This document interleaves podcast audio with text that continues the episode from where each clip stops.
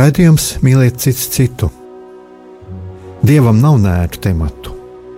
Šajā raidījumā cenšamies runāt par visām norisēm, kuras skar vai var skart mūsu dzīvi. Runājam par pagātni, par šodienu un par nākotnes iespējām. Kopā meklējam patiesību un cenšamies gūt cerību un stiprinājumu sev un citiem. Klausieties mūsu katru trešdienu, pulkstens 16. Raidījuma vadītājs Aigars Brikmanis.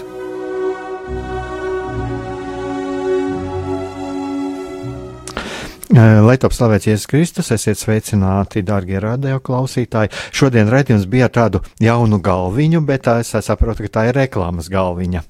Es esmu tātad studijā, esmu es, Gats Brigmanis, pie pults ir Māris Veliks, un mūsu viesis šodien ir atkal reliģija pētniece Solveiga Krumiņa Koņkova, un mēs turpināsim runāt par to tēmātu, par kuru jau mēs runājam pagājušajā nedēļā, kas, es domāju, ir ļoti sāpīgs. Sāpīgs ir tāpēc, kad, kad eh, šī padomju okupācijas laiks ir atstājis dziļas brūces un, un dziļus ievainojumus mūsu sabiedrībā, un toreiz pareizi nākās, nākās mums pārliecināties, un, protams, arī sekas, eh, sekas vēl nevēlamas saistības. Es domāju, daudziem ir ļoti daudz nevēlamas saistības, kā es viņus saucu, raukstām, raustām diegi austrumu virzienā, un reizēm, ja mēs tā padomājam, kāpēc cilvēks sāk uzvesties dīvaini, mm, tad mums jāpadomā, varbūt viņš tiek šantažēts.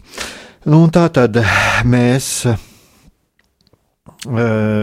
turpinām runāt par par baznīcu, par baznīcu padomju okupācijas apstākļos un par to, kā padomju okupācijas vara centās ietekmēt baznīcu.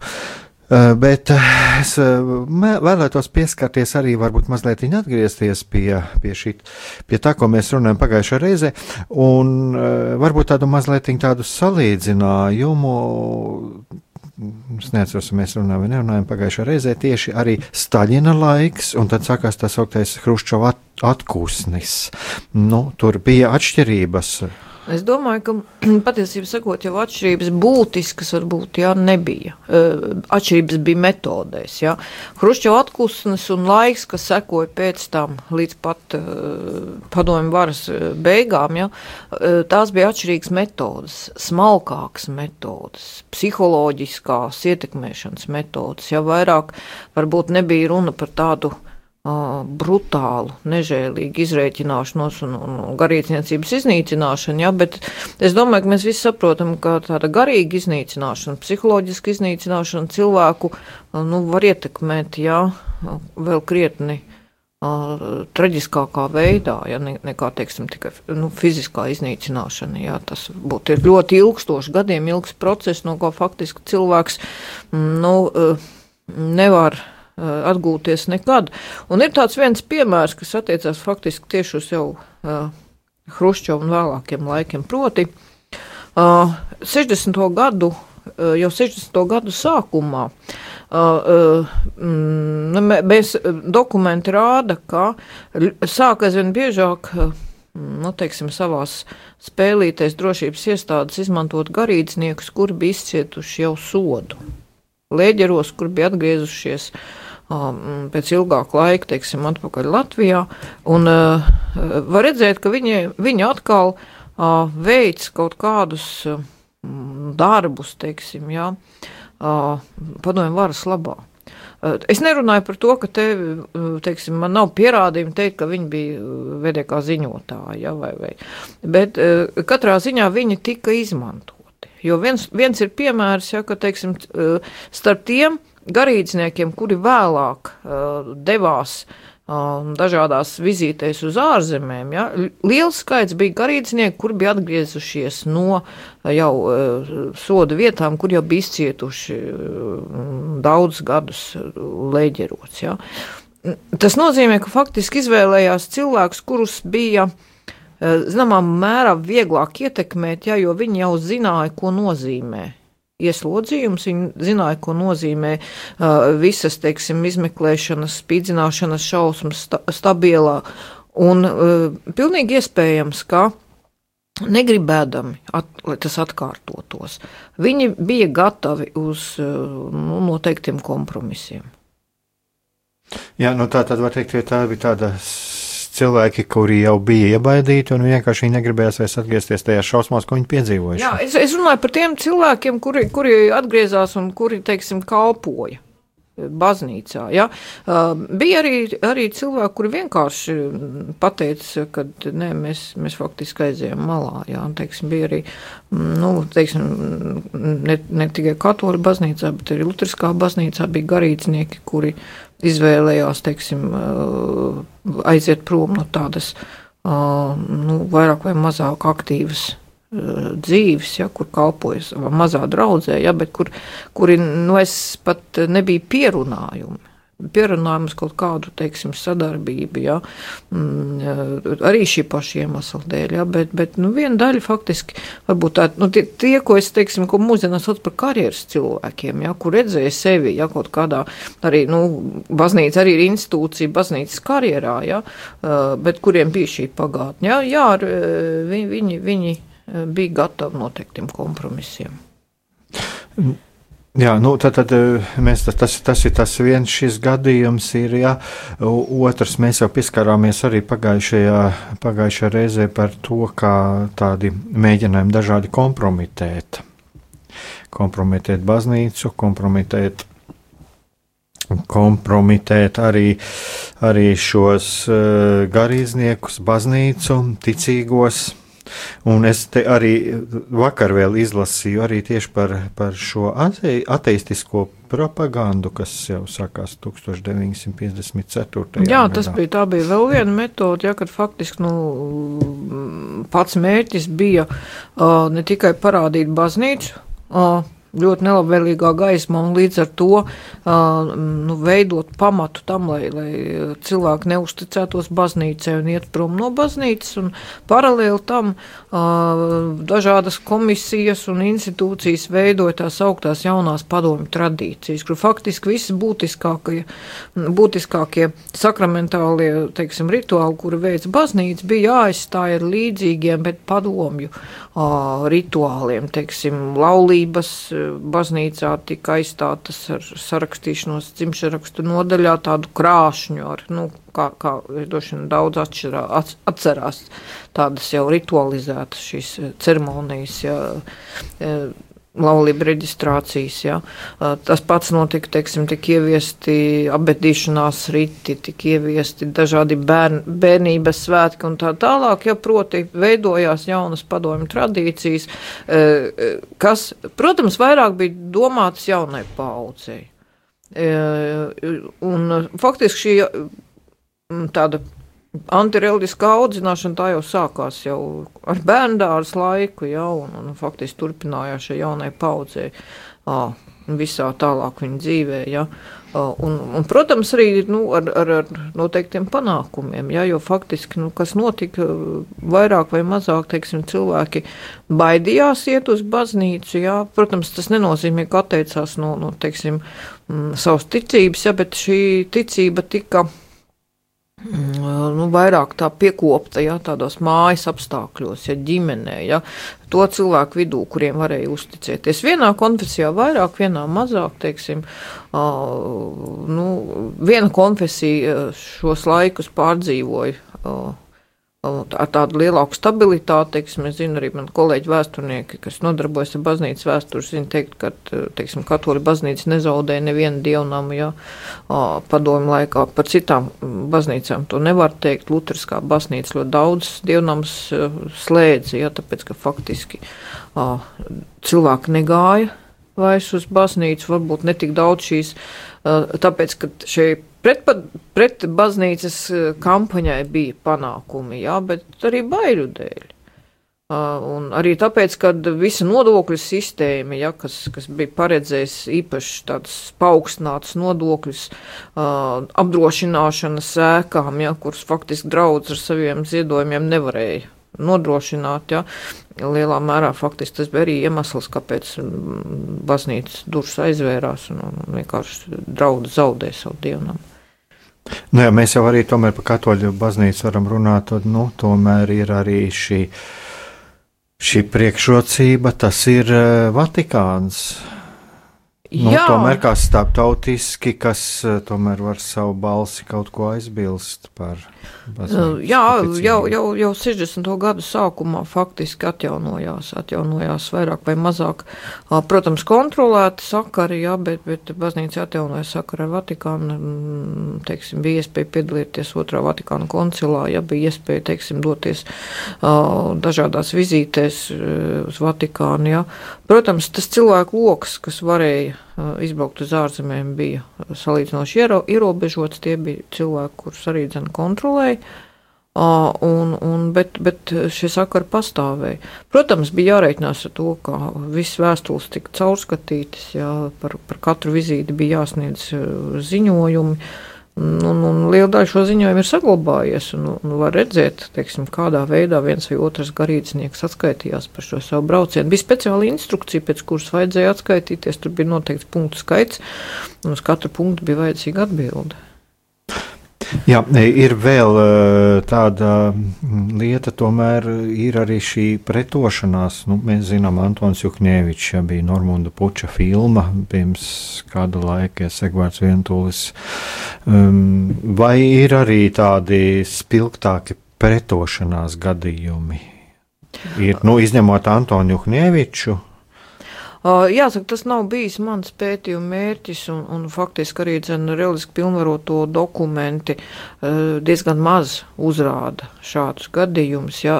Tas nenozīmē, ka tie nav bijuši, jā, bet vienkārši acīm redzot, arī šie dokumenti maz par to runā. Tas, kas ir bijis un ko mēs varam lasīt, arī faktiski kas, kas ir pretošanās. Ja?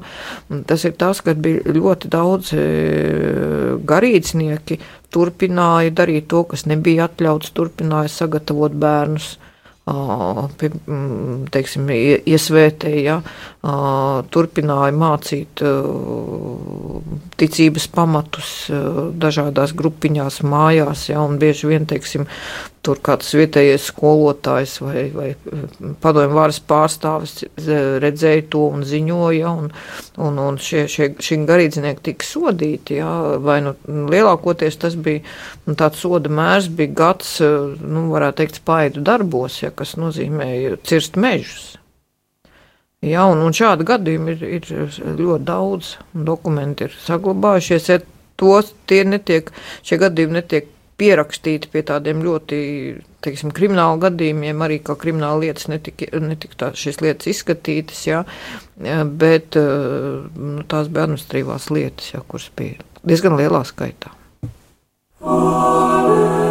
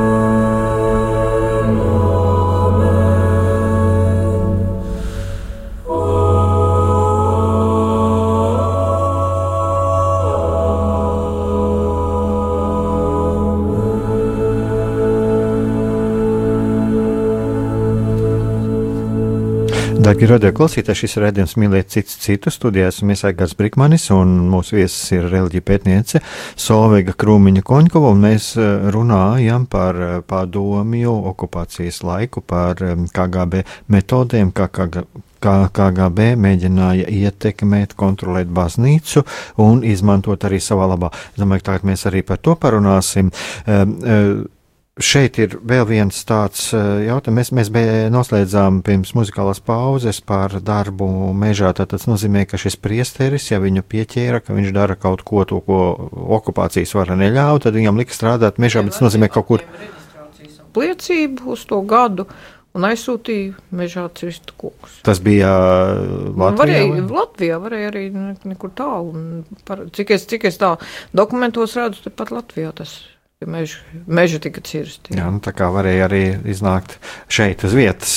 Jā, nu, tas bija tāds mm, skarbs sots, jā, jo nu, viena daļa, protams, cilvēku, jā, kas izcieta šo sodu, jā, mm, iepriekš nebija mm, iespējams darījuši tādu fizisku smagu darbu, jā, un, un, un, fakti, un arī, nu, kas notika ar draudzi. Jo, jo uh, bija daži, daži faktiski nu, tādi reti gadījumi, arī kad bija krimināla lietas ierosinātas. Ja, uh, bet nu, tās vairāk tika mazliet pavērstas citā virzienā, jo nu, nav noslēpums, ka viens no pantiem, mm, pēc kā varēja sodīt arī par, par pretpadomju uzskatiem un, un rīcību, ja tā bija valūtas spekulācijas. No, kur, kur faktiski nu, šī, tas bija tāds pāns, kur varēja droši notiesāt. Un, nu, kā mēs zinām, tad faktiski nu, vācot ziedojumus, jau varēja gadīties arī, kad ziedojumos iekļūst kāda ārzemju valūta. Jau līdz ar to faktiski, nu, ja bija Nikolai, teiksim, zelta rubļi, un, un, un ir gadījumi, kad notiesāja arī par, par šādu veidu noziegumiem. Ja? Tad tur, teiksim, dokumentos parādās viens pāns. Ir, ka ir arī bijis tāda pretpadomju propaganda, ja, bet faktiskais sods bija par valūtas spekulāciju. Jā, tad, tad ziedotājiem bija jāuzmanās arī, ko ziedo. Mm, nu jā, jā, ja galvenais bija atrast iemeslu. Jā, ehm, ja mēs arī tā runājam tieši par, par, par eh, lājiem, protams, ka šis darbs bija ar priesteriem vairāk un tā, eh, bet kā bija ar lājiem? Nu, lājus jau arī tur mēģināja, mēģināja kaut kā ietekmēt. Eh, o, jā, jāsaka tā, ka es, es pieļauju, ka, protams, šī ietekmēšana notika un nevarēja nenotikt bet reliģiski pilnvaroto dokumenti par to faktiski neļauj spriest. Jā. Vienīgi, kā mēs redzam, laju, laju ietekmi, jā, ir, ir, ir nu, sūdzības, kas ir rakstītas, jā, un, protams, nu, sūdzība pat par sevi jau nepasaka, kādā veidā cilvēks ir piespiests šo sūdzību uzrakstīt. Ir vairākos gadījumos ir publiski, publiskas vēstules, jā, par to, ka nu, ir sūdzība par konkrēto garīdznieku, un tad draudzene parakstās, lai šo garīdznieku mm, nu, teiksim, pārcelt uz citu draugu, ja draugs vienkārši negrib viņu kā savu garīgo vadītāju. Ja, tā, tādas vēstules ir, ja, bet nu, kādā veidā šīs vēstules tapa, ja, vai tur bija, tur visticamāk bija iniciatīva, ja, pašā draudz šajā 20-niekā, ja, tajos, tajo, to cilvēku vidū, kas veidoja draudzes kodolu, kas bija aktīvākie, ja, acīm redzot, nu, kāds no viņiem arī arī, arī bija pakalpīgs padomju varai, ja, bet, bet nu, dokumenti, teiksim, kas par to runā faktiski, vismaz pilnvarot arhīvā nav. Bet kaut kā grūti iedomāties, ja kaut, kaut kāda draudzes, kaut kāda tāda draudzes vadība, kur ir eh, šādi vairāki cilvēki. Man patiesībā diezgan grūti iedomāties, ka tur nebūtu mēģinājuši kaut kādā veidā. Nu, visticamāk, jā, bija vismaz vienam, vienam jau nu noteikti vajadzēja būt. Jā. Kā kurā draudzē, teiksim, Romas katoļu baznīca apkalpoja arī dzen uh, uh, draudzi Maskavā katoļu draugu Maskavā, jā, tā sauktā Francijas vēstniecības draugs, kas atradās nu, pašā, pašā centrā, jā, kur, kur lielākoties mm, arī cen, mm, šo, šo baznīcu apmeklē, teiksim, mm, dažādi diplomātiskais korpus, kas nu, tajā, tajā laikā uh, Maskvā darbojās, jā. Un, un jāsaka, šajā šīs draudzes 20. jau lielākā daļa bija aģentūra. Tā bija vienīgā, vienīgā draudzene Maskavā, ja, kur, kur drīkstēja apmeklēt ārzemnieki. Ja, līdz ar to mm, nu, šeit šo aģentūras aģentu skaits bija liels. Faktiski mēs varētu tā diezgan patvaļīgi arī nu, mēģināt secināt, ka līdzīgi tas varēja būt arī citās draudzēs, ne tikai Maskavā, bet arī Rīgā, ja tās baznīcas, kas bija atvērtas ārzemniekiem padomu laikā, kuras ārzemnieki varēja apmeklēt, uh, organizēt vai mazāk organizēt, šeit uh, vajadzēja būt modrai acī, kas vēro, ko šie ārzemnieki dara. Nu, mēs varam paši izsecināt tālāk. Ja, nu tagad mēs varbūt varam arī pievērsties tam, kāda bija e, šī padomju izspiedzes orgānu darbība mm, ārpus e, padomju impērijas robežām. Un e, kādā veidā, nu, vairāk vai mazāk ir zināms par kultūras sakaru komitejām. Um, kā, bet kā bija ar baznīcu? Nu arī, arī mm, garīdznieki darbojās arī kultūras sakaru komitejā, ja tā kā, nu, tas bija viens darba lauciņš, bet, mm, nu, netik nopietnis, jā. Faktiski kopš 60. gadiem ļoti liela uzmanība tika padomju savienībā pievērsta nu, divām lietām - ārējai izlūkošanai, un, un tur, protams, arī savu vietu bija dažādām starptautiskām reliģiskām organizācijām, kurā, kur, kuru biedru vidū, kuru vadības vidū vajadzēja būt saviem cilvēkiem.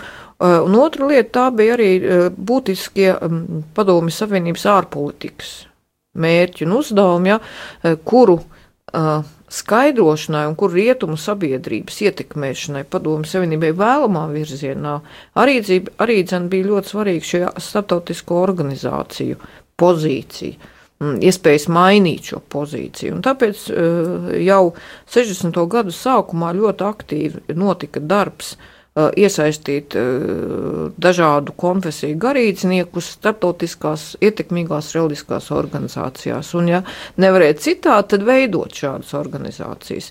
Viena no tādām organizācijām, kas nebija Padomju Savienības tādā tiešā pakļautībā, bet kur uh, nu, spēcdienesti bija ieinteresēti iefiltrēt savus aģentus, tā bija Vispasaules baznīcu padome.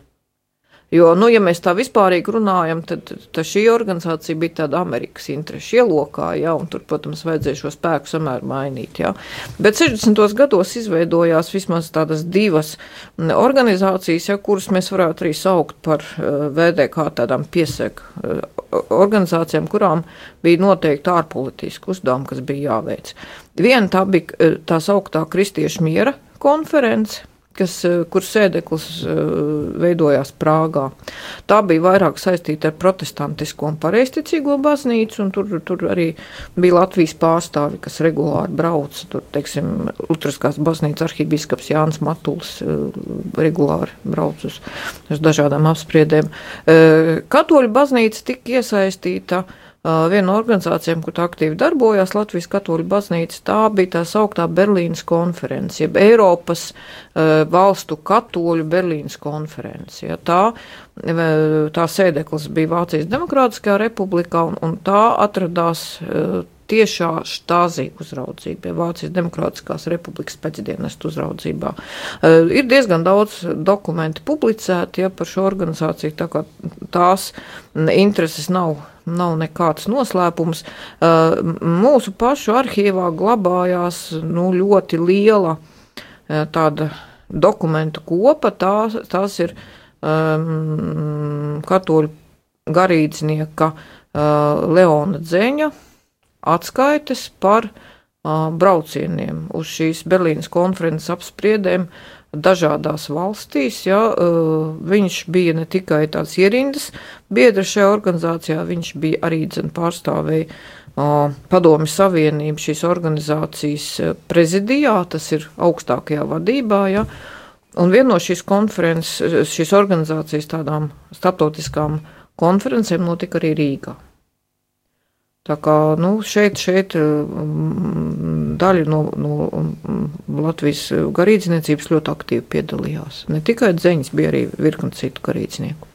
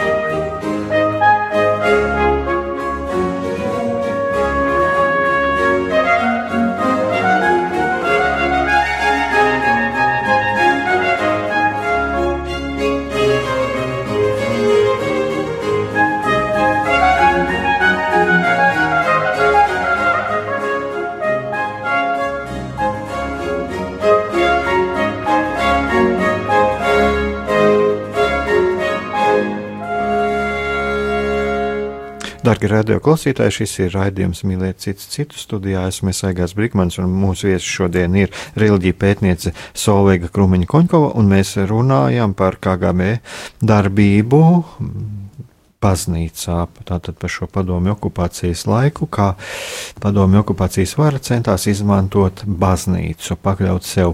Un jūs variet arī sazināties ar studiju, sūtot īsiņu uz numuru 266 77 272 vai zvanīt uz tālruni 67 969 131 vai rakstīt uz e-pastu studija at rml.lv. E, tātad e, mēs jau pirms muzikālās pauzes sākām runāt arī par šiem par šiem mēģinājumiem ietekmēt caur baznīcu, caur veidot, veidot baznīcas struktūras, pakļaut sev, ietekmēt arī šo situāciju ārpus Padomju Savienības. Eh, man radās arī tāds jautājums tieši, ja mēs runājam par kultūras komitejām, viņas jau arī darbojās uz atsevišķu tautību pārstāvjiem, teiksim, arī uz latviešiem darbojās, jā, bija sava, sava preses izplatīja literatūru caur dažādiem kultūras pasākumiem, mēģināja ietekmēt un vervēt. Kā tas bija ar baznīcu, vai arī ir tāds tiešām mēģinājums arī ietekmēt tur trimdas katoļus, trimdas luterāņus? Uh, viens no, teiksim, ja mēs runājam par, par kaut vai zi, ziņojumiem par braucieniem uz ārzemēm, jau es pieminēju instrukciju. Viens no instrukcijas punktiem bija uzrādīt tos e, trimdas latviešus, tā skaitā garīdzniekus, ar kuriem mm, konkrētais cilvēks ārzemēs bija ticies, kādas tēmas tika aprunātas, un faktiski uh, arī netiešā veidā uzdevums bija veidot šos sakarus, jā, lai, lai iegūtu šo uh, informāciju. Un, jāsaka tā, ka nu, šie ziņojumi atšķirās. Viena vien, vien, teiksim, viena daļa ziņojuma ir ļoti neitrāla, un tur uh, cilvēki raksta, ka mēs nebijām, neredzējām, nevienu nesatikām, ja? bet, bet ir ziņojumi, kur, kur ļoti detalizēti tiek aprakstītas tikšanās, ja tiek aprakstīts, kāda, teiksim, bija uh, grupējumi tais pašas pašos, teiksim, ārzemju uh, latviešu katoļu garīdzniecības vidū, jā, ar, ar kuriem ir uh, jēga runāt, ar kuriem nav jēga runāt, kuri vēlētos atbraukt uz Latviju, un līdz ar to, ja viņi vēlās atbraukt uz padomu Latviju, tad tur ir acīm redzot iemesls, ka ar viņiem kaut ko var sarunāt, ja, un kaut kādus pakalpojumus prasīt, ja, arī drošības struktūras varbūt var ietekmēt, ja. Ir cilvēki, kas neko negrib zināt par Latviju, no, nu, tur, tur teiksim, šī interese varētu būt mazāka. Ja.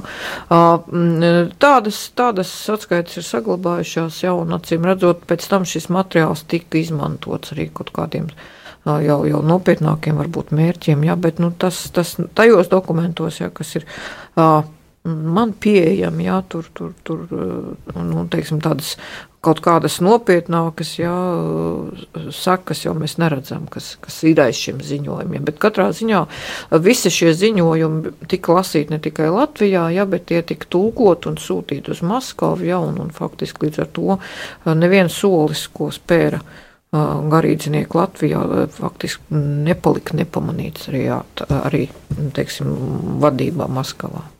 Jā, šeit ir arī viens klausītāja jautājums. Tātad klausītāja jautājums ir tāds, vai jūsu raksturotā situācija kaut kā ietekmē konfesijas savstarpējās attiecības LPSR. Cik zināms, Baptistiem un Vasaras svētkiem nācās būt vienā organizācijā par spīti teoloģiskām atšķirībām. Paldies!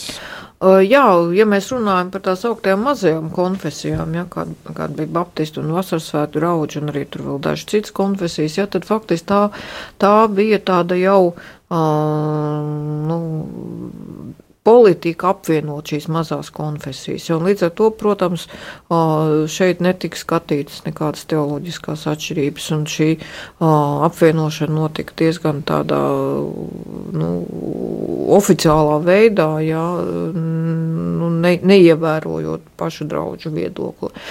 Interesanti ir tas, ka, teiksim, vasaras svētku draudzes un vēlāk arī 7. adventistu baznīca tā bija tā, kuras, kur tika vairāk kontrolēta un kur arī tika kur darbība tik ļoti strikti ierobežot. Jo 70. gados rodas iespējas, ka mm, ne katoliskā baznīca, ne lutriskā baznīca, ne arī baptisti vairs nav tik, un, protams, pareicīgā baznīca vairs nav tik interesanti, jo tur nu, faktiski tā var, var, var likties, ka tās tāds padomju baznīca, jau tās klausa norādījumiem, dara visu kā liek darīt, ja, mazās, mazās konfesijas, ja, kā vasarasvēku draudzes, vai, vai kas veidojās no jauna, jo ienāca ļoti daudz cilvēku no, no Ukrainas, no Baltkrievijas, faktiski tā, tā bija cita vasarasvēku kustība nekā vietējā, ja, tās tika vairāk kontrolētas, īpaši aktīvi cīnījās pēc septītās dienas adventistiem, pret Jehovas lieciniekiem, pret, pret, pret tām mazām dažādām draudzītēm, ja,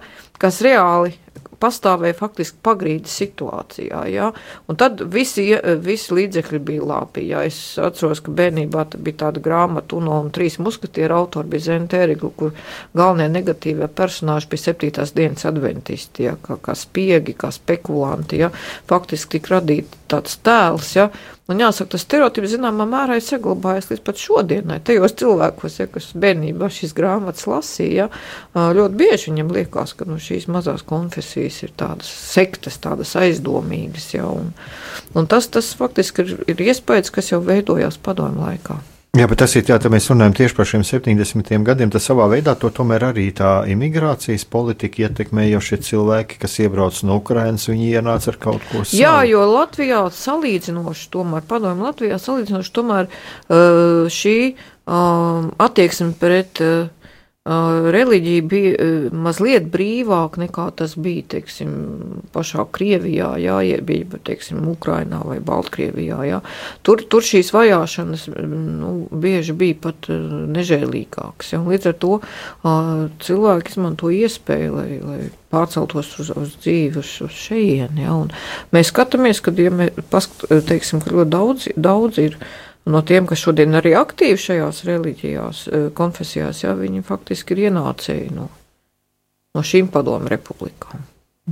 Jā, un tad mēs varam teikt tā, ka eh, nu jā, tie bija ienākuši, viņi nebija vēl pakļauti, tas ir kaut kas jauns, kaut Nu, ja kas bija- jauns, bija kurš nav, jā, jā. nav apgūts, un tad, tad tas apgūtais, kas neapgūtais, tas ir jāmēģina pakļaut un kaut kā diskreditēt. Jā, jo, jo tas, cik lielā mērā, ja, protams, tā ir ilūzija, kad, kad teiksim, lielās konfesijas bija tik nu, ļoti ja, lojāls padomju varai, bet, bet eh, baznīcas vadības šī politika, ja, nu, izlikties, ka mēs sadarbojamies, ja, nu, eh, lielā mērā varbūt tās tā arī tā, nu, kādā tādā kā virspusē parādījās. Ja, jo, ja mēs skatāmies ziņojumus, tad nu, par to pašu eh, Romas katoļu baznīcas vadību, ja pilnvarotais raksta, ka pilnīgi skaidrs, ka tā ir pretpadomju vadība. Ka tie, kas šo baznīcu vada, patiesībā viņi nav nekādi padomju cilvēki. Ja? Eh, Un, bet, eh, nu, kaut kādā veidā atrast tāds pārliecinošs pierādījums tam, nu, bija ļoti grūti, un, un, un, un jāsaka, šī spēle faktiski jā, bija um, notika par labu baznīcas vadībai. Jā, tomēr baznīcas vadībai izdevās uh, veidot kaut kādus kompromisus, jā, tomēr saglabāt teiksim, draudzes, saglabāt dievnamus, jā, un, un radīt ilūziju, ka nu, tur, tur tā viss mums ir kārtībā, ja mēs tā esam tādi lojāli padomju varai. Nu, te jau mēs varam runāt teiksim, tā, arī par šādu sava veida izdzīvošanas stratēģiju, jo mums jau ir grūti pateikt, kas būtu, nu, teiksim, ja visa garīdzniecība pēkšņi nostātos pret šo okupācijas varu publiski atklāti, mums ir grūti pateikt. Mums ir grūti pateikt, jo nu, mēs, mēs redzam, teiksim, kas, notiek ar, kas notika pēc kara ar cilvēkiem, kas atklāti nostājās ja, pret varu.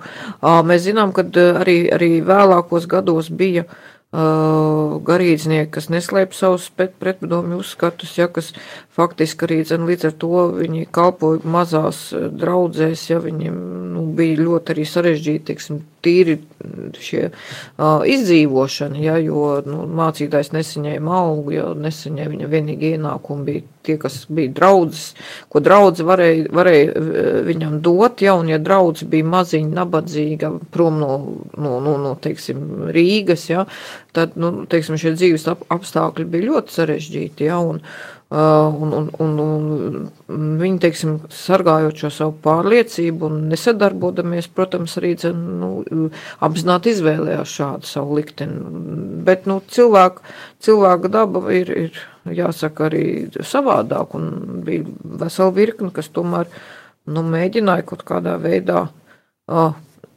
veidot šīs attiecības tā, lai, nu, baznīca varētu pastāvēt, un bija arī virkni cilvēku, kas uh, izvēlējās par labu savai labklājībai, savai karjerai, kuri vēlējās kalpot lielās, bagātās draudzēs, ja, nu, nu, kuri, kur, kur varbūt šie kompromisi ar padomu varu, ja, bija, bija nopietnāki, bija vairāk, mm, nu, nu, tie tādi, kas faktiski jau pārkāpa šos ētiskos standartus, ja, un, un daļa no viņiem arī sadarbojās ar valsts drošības iestādēm.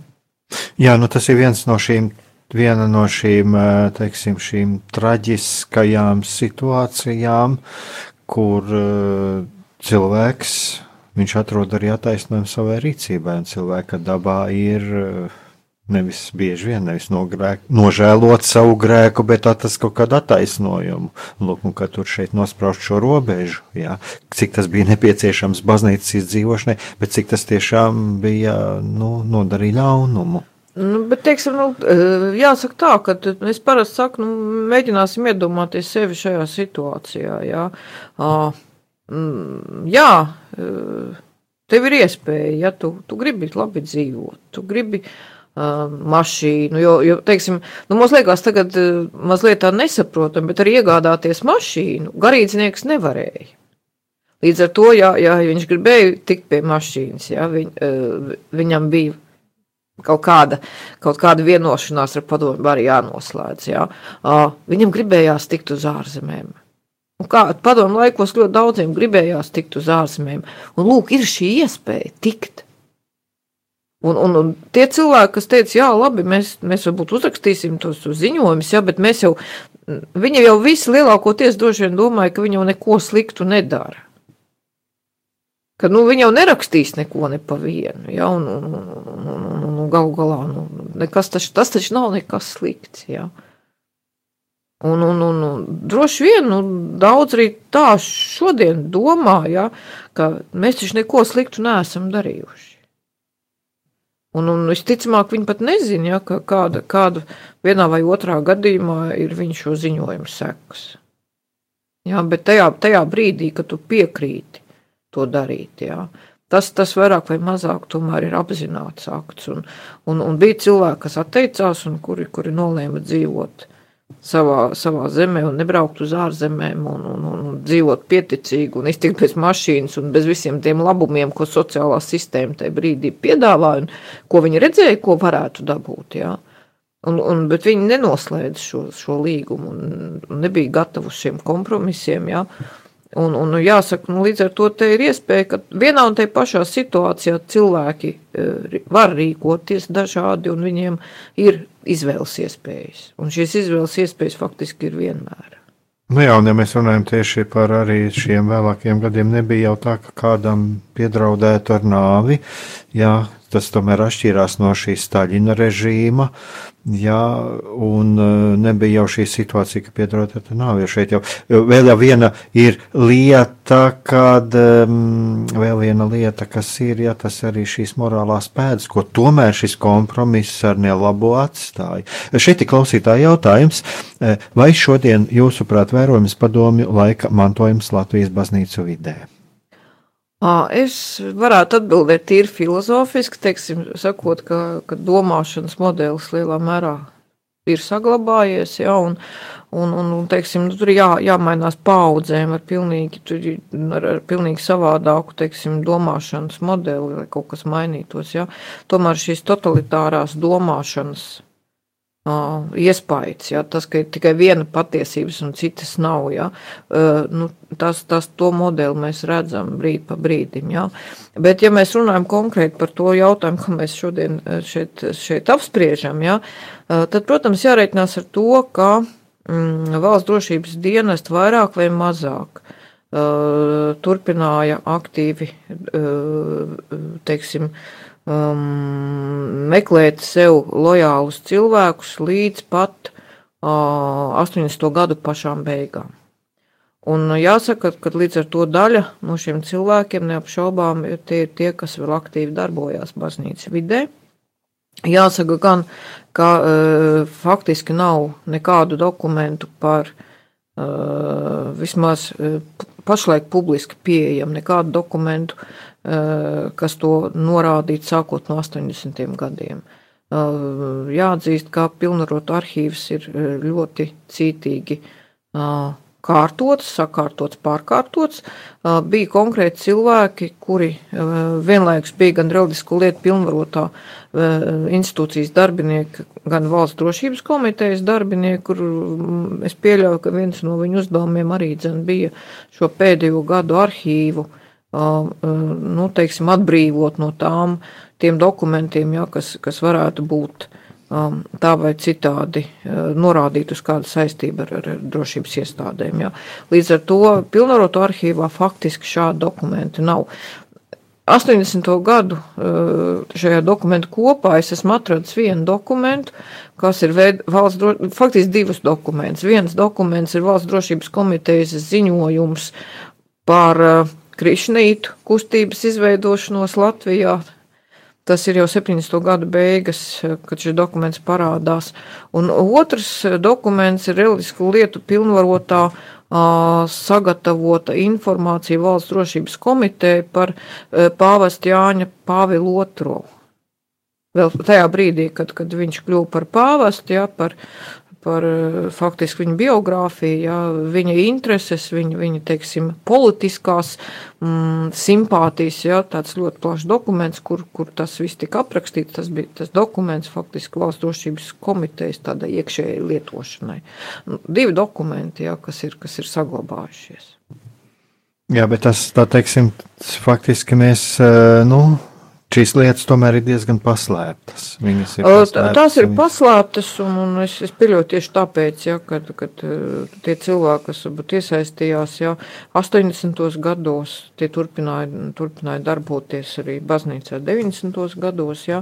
Um, arī, nu, teiksim, mēs sākām runāt par šo Berlīnas konferences, jā, es pieļauju, ka, ka šī, šī dokumenta kaut kopa palika uh, arhīvā tikai tāpēc, ka no pirmā skata tas, tas liekas nav nekas interesants, jā, kamēr nesāk uh, pētīt personālīs, kas šajā uh, organizācijā darbojās, jā, kamēr nesāk, teiksim, padziļināt skatīties, kādi paralēli pētījumi veikti citās valstīs, jā, bet nu, tas ir tas, ko, ko, ko teiksim, dara atsevišķs pētnieks varbūt, jā, bet, bet ja mēs, teiksim, paņemtu šos dokumentus vienkārši tā pāršķirstīt, jā, es arī pirmā brīdī uh, pāršķirstīju, man šie dokumenti nelikās interesanti, un es, es noliku malā, ja, bet tad es nolēmu paskatīties, kāda personālīs ir darbojušās, un ar izbrīnu konstatēju, ka vācu kolēģi ir aprakstījuši ja, šo, šo Mm, šīs organizācijas vadību saistība ar štāziju un ar, ar to, ko viņi ir darījuši. Ja? Un tad es sāku uz šiem dokumentiem skatīties mazliet savādāk un pētīt, kāda tad ir bijis, teiksim, arī nu, mūsu um, katoļu baznīcu pārstāvošo garīdznieku vieta šajā organizācijā un ko viņi ir darījuši un ko viņi ir rakstījuši. Ja? Tad, tad faktiski šī aina mazliet mainās. Kaut kādas perspektīvas ir kaut ko vēl atrast? Es domāju, ka nu, grūti pateikt, ja, jo, jo pašlaik, teiksim, kas, kas ir darāms, ja, ir iespēja paralēli skatīties citus arhīvus. Ja. Ir, ir iespēja paralēli skatīties centrāla, partijas centrāla komitejas arhīvi, ja, kas ir nu, ļoti plaši, es pieļauju, ka tur var atrast, eh, atrast ļoti daudz interesantus dokumentus, jo nu, tomēr eh, organizācija, kas vadīja visu šo tīklojumu, jā, tā tomēr bija, un, un to mums ir eh, nu, jāpasaka viennozīmīgi, jā, tā tomēr bija komunistiskā partija. Un, un, un, un tas, kādus instrumentus šī partija izmantoja savu ideoloģisko un ne tik ideoloģisko mērķu īstenošanai, jā, tur bija gan pilnvaroto institūcija, gan valsts drošības komiteja un, un vesela virkni citu organizāciju, jā, bet tā virsotne tomēr bija partija. Liels paldies par sarunu. Mums raidījuma laiks ir noslēdzies. Es tikai gribu tā mazliet arī tā pie visa šī piebilst. Jā, būsim piesardzīgi, būsim gudri un atcerēsimies, kādreiz bija cīņa par mieru, mūsu laikā ir cīņa par likumību, bet nevienmēr tas ir likumīgs.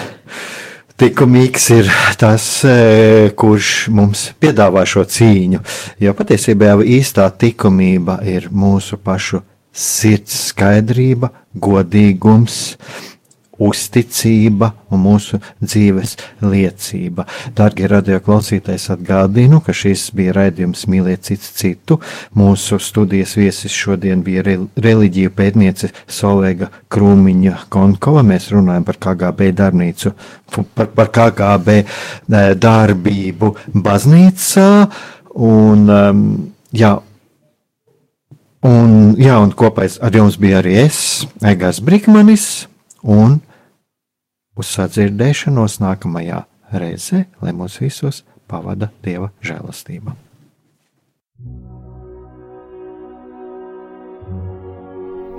Mīlestība un patiesība.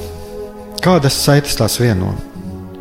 Mēs esam cieši saistīti pirmkārt ar sevi, ar savu būtību, un arī ar pārējo pasauli, ar līdzcilvēkiem, ar sabiedrību.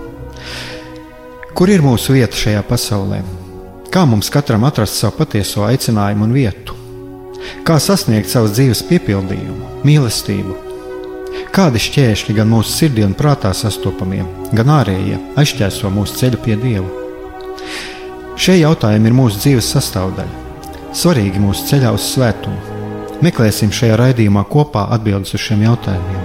Ieklausīsimies, ko Dievs mums vēlas pateikt ar visu, ko sastopam savā dzīvē. Lai mūsu sirds un prāti atveras mīlestībai un patiesībai, raidījums mīliet cits citu.